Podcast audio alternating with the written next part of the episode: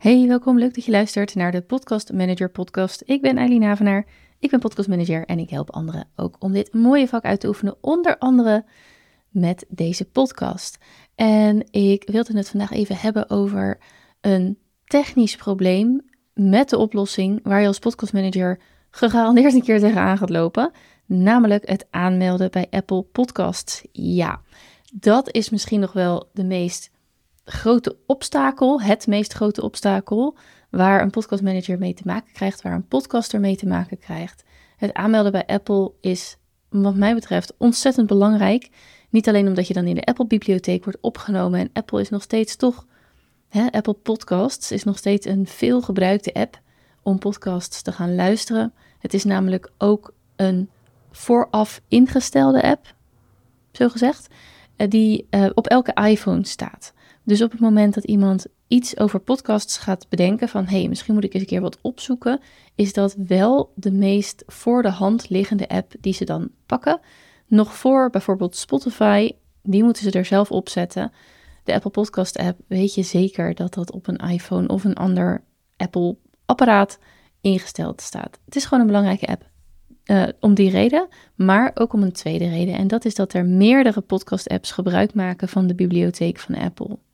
Die zijn dus, die, die bibliotheek is een soort van openbaar. Als jij een podcast-app uh, bouwt, een podcast-luister-app, dan kun je dat instellen dat die zijn podcasts, zijn RSS-feeds, uit de Apple-bibliotheek haalt. Dus het is niet alleen zinvol om uh, in de Apple Podcasts app naar voren te komen, maar ook in eigenlijk een hele sloot andere apps. En het gaat meteen ook automatisch. op het moment dat je in de Apple Podcast bibliotheek bent opgenomen, ja, kom je ook automatisch in al die andere apps terecht. Nou, anyway, je gaat de podcast van je klant aanmelden bij Apple Podcasts. Dat is nou ja, het meest complexe aanmeldproces. Het heeft namelijk echt een Apple ID nodig. En als je met een Apple ID werkt, dan werk je ook altijd met two-factor authentication. Dubbele inlogmanieren, zeg maar. Dus je hebt niet alleen een wachtwoord waarmee je inlogt, maar ook een code die je bijvoorbeeld toegestuurd krijgt op je telefoon. En dat maakt het samenwerken of iets doen voor je klant maakt net even wat complexer. Onlangs heb ik een klant geholpen die heeft echt. Sommige mensen hebben echt een aversie tegen Apple. Dat is helemaal prima. Dus ik heb dat allemaal voor haar uit handen genomen. Ik heb haar Apple ID aangemaakt. Ik heb daar mijn telefoonnummer aangehangen, zodat ik de codes krijg om in te kunnen loggen. En dat werkt verder prima. Wat er vervolgens gebeurt. Je hebt een Apple ID aangemaakt, of misschien heeft je klant al een Apple ID die, die jullie gaan gebruiken. En dan ga je naar podcastsconnect.apple.com. Daarmee log je in in het Apple ID en dan krijg je een of ander frustrerend scherm waarin staat: ja, je hebt geen toegang tot Apple Podcasts Connect. En klik hier voor de reden. Verder staat er weinig informatie. Dit is, als je hier een keer tegenaan bent gelopen, dan denk je meteen: ja, ja, ja, dat, ja, echt, wat? Oké, vertel me. Nou, ik ga het vertellen. Je hebt namelijk voor Apple Podcasts Connect nog een extra algemene voorwaarden te accepteren. De extra terms and conditions. Je hebt de Apple Terms and Conditions al geaccepteerd met het maken van een Apple ID, maar nu moet je nog de Apple Media Terms and Conditions accepteren. Voordat je daar komt, is het ook nodig om in je Apple ID, dat is namelijk het tweede bottleneck moment, een betaalmethode toe te voegen.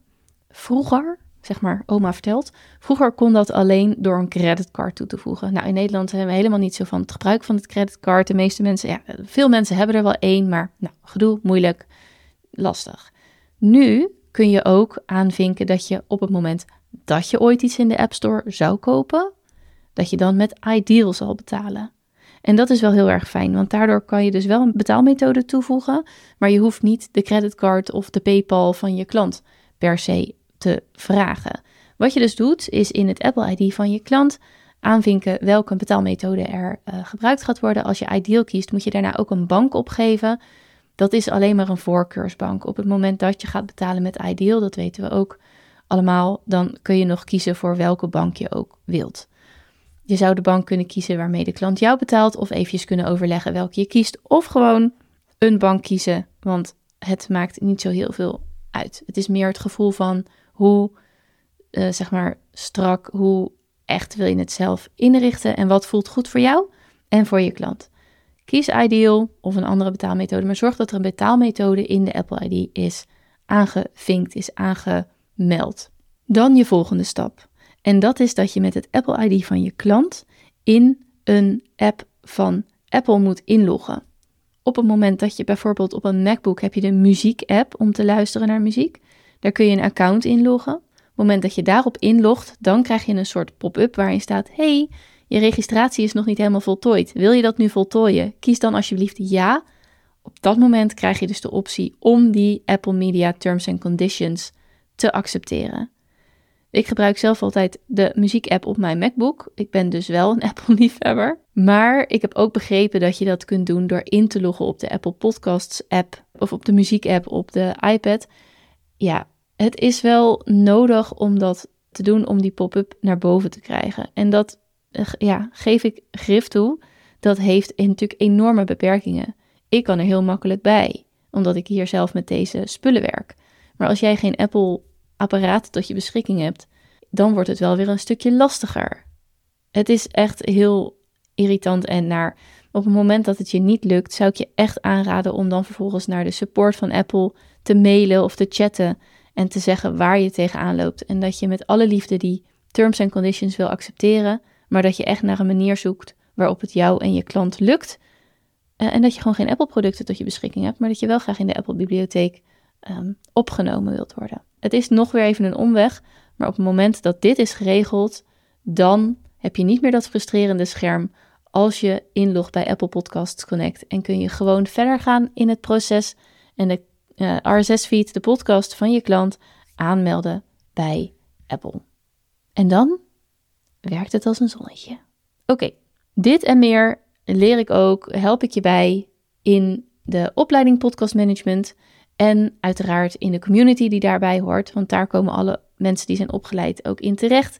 Zodat als je bezig bent met het podcasts managen, met het bouwen van je bedrijf, met het neerzetten van je aanbod, met het werken met klanten, hoe dan ook, elke vraag die je hebt kun je in die community stellen en dan helpen we je verder. Ik ben daar zelf ook actief in. Je hebt daar een hele fijne, ehm, ja, hoe noem je dat? Een soort backup voor.